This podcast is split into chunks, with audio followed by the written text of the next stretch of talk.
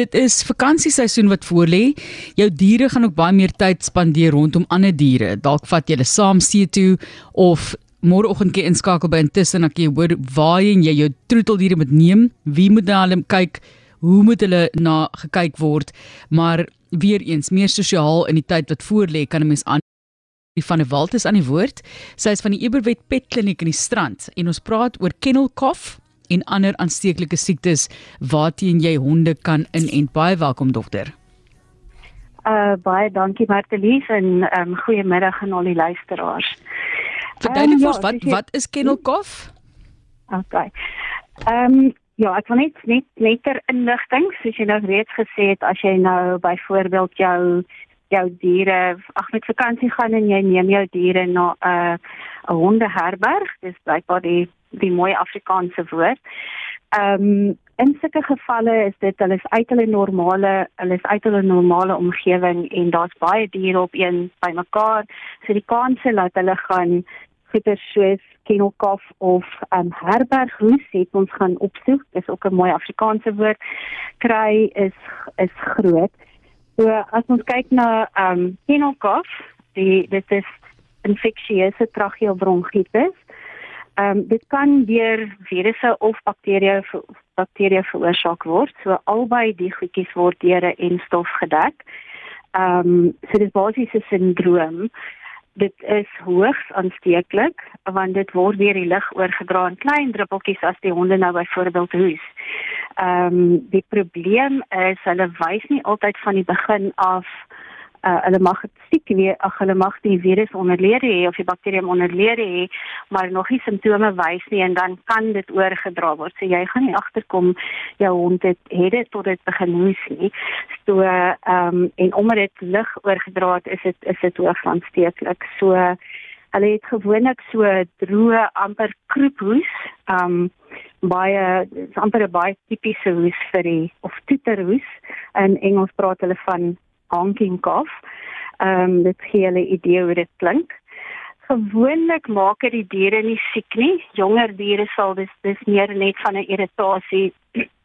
hulle ehm um, jy weet met as gevolg van die ehm um, kroniese hoes, hulle eet nog steeds goed en hulle lyk nog goed. Hulle lyk regtig nie siek nie um, ons is net meer bekommerd oor ouer diere want hulle kan baie langer vat om van die virus te herstel. Ehm um, behandeling is maar gewoonlik 'n mens met hulle probeer stilhou. Ehm um, en dan gee ons vir hulle baie keer 'n bietjie anti-inflammatoriese uh, middels net om die keel seer 'n bietjie te help.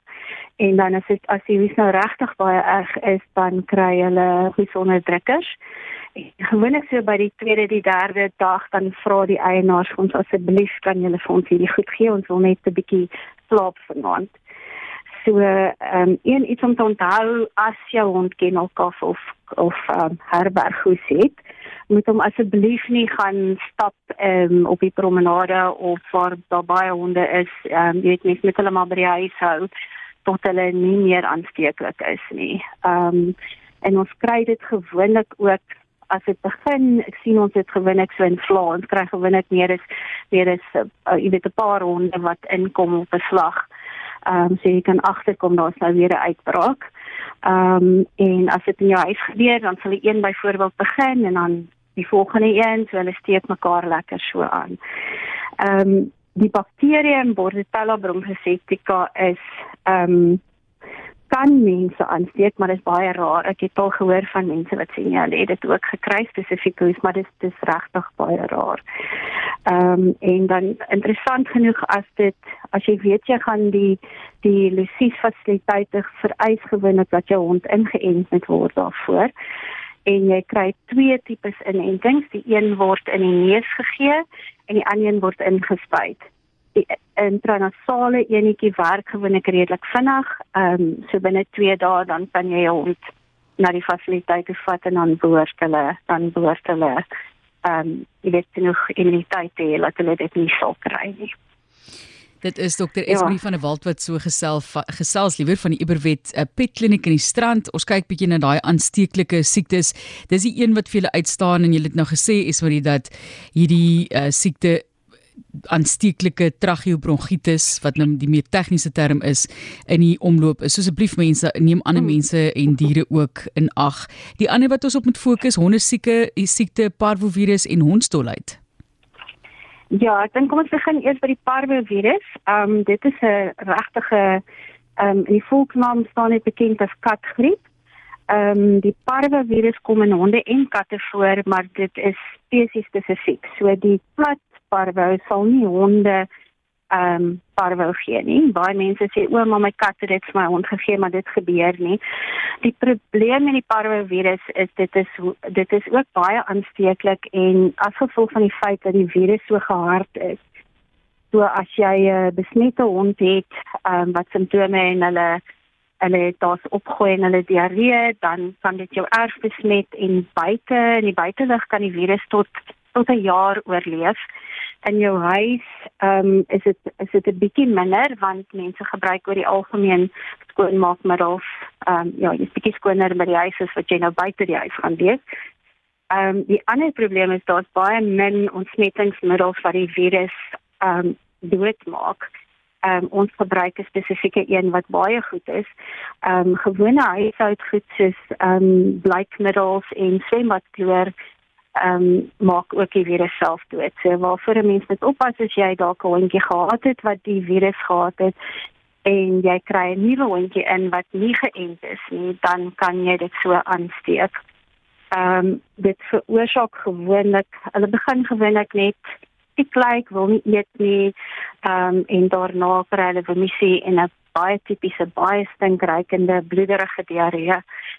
Die behandeling is gewoonlik baie intensief ehm um, hulle word op 'n drip, maar dit is ook simptomaties. Ehm um, hulle word gewoonlik gedrip want hulle dehydreer erg en dan kry hulle medikasie om die naait te, te help en ehm um, intraveneuse antibiotika. Ehm um, ja, so dit kan nogal 'n duur storie raak as jou as jou hond uh, parvovirus kry. So dit is beter om maar voorkomend hulle hulle in te ent. Laasens net hondsdolheid. Ja, ons verwys is die ander een wat ehm um, hy is ook ook belangrik want dit is 'n zoonose. Ehm um, en die onverwys is die enigste een wat vir wettiglik moet jou dier ingeënt word daarvoor. Ehm um, dit is ook een van die nare virusse as jy hom kry en omdat dit mense affekteer, ehm um, is dit is dit 'n belangrike ding om dit te voorkom. Dit is ook 'n aanmeldbare siekte as gevolg van die feit dat mense dit kan kry van van diere af. Ehm um, dit is 'n Lassa virus en die virus word in die speeksel van diere oorgedra wat wat wat ons toelaat het.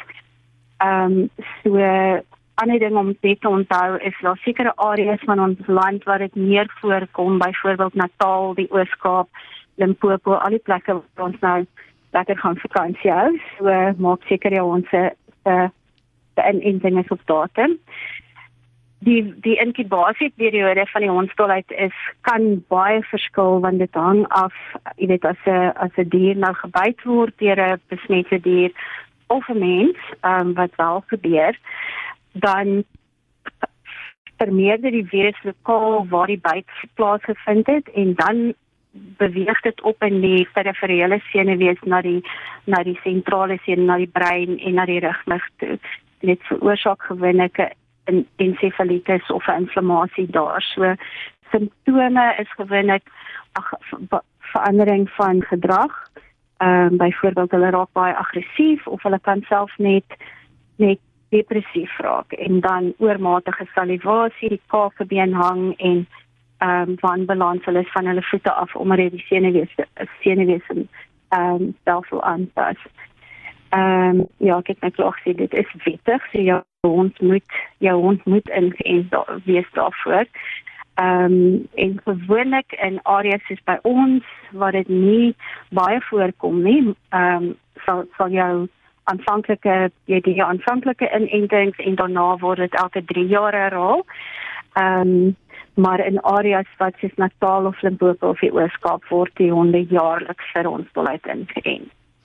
Ehm um, so ja, daar's op die oomblik is daar 'n wêreldwye inisiatief aan die gang om te kyk of hulle hondsdolheid kan elimineer, hondsdolheid in mense in elimineer deur soveel as moontlik honde en honde en katte in te ent teen die jaar 2030 dink ek is hulle is hulle doelwit.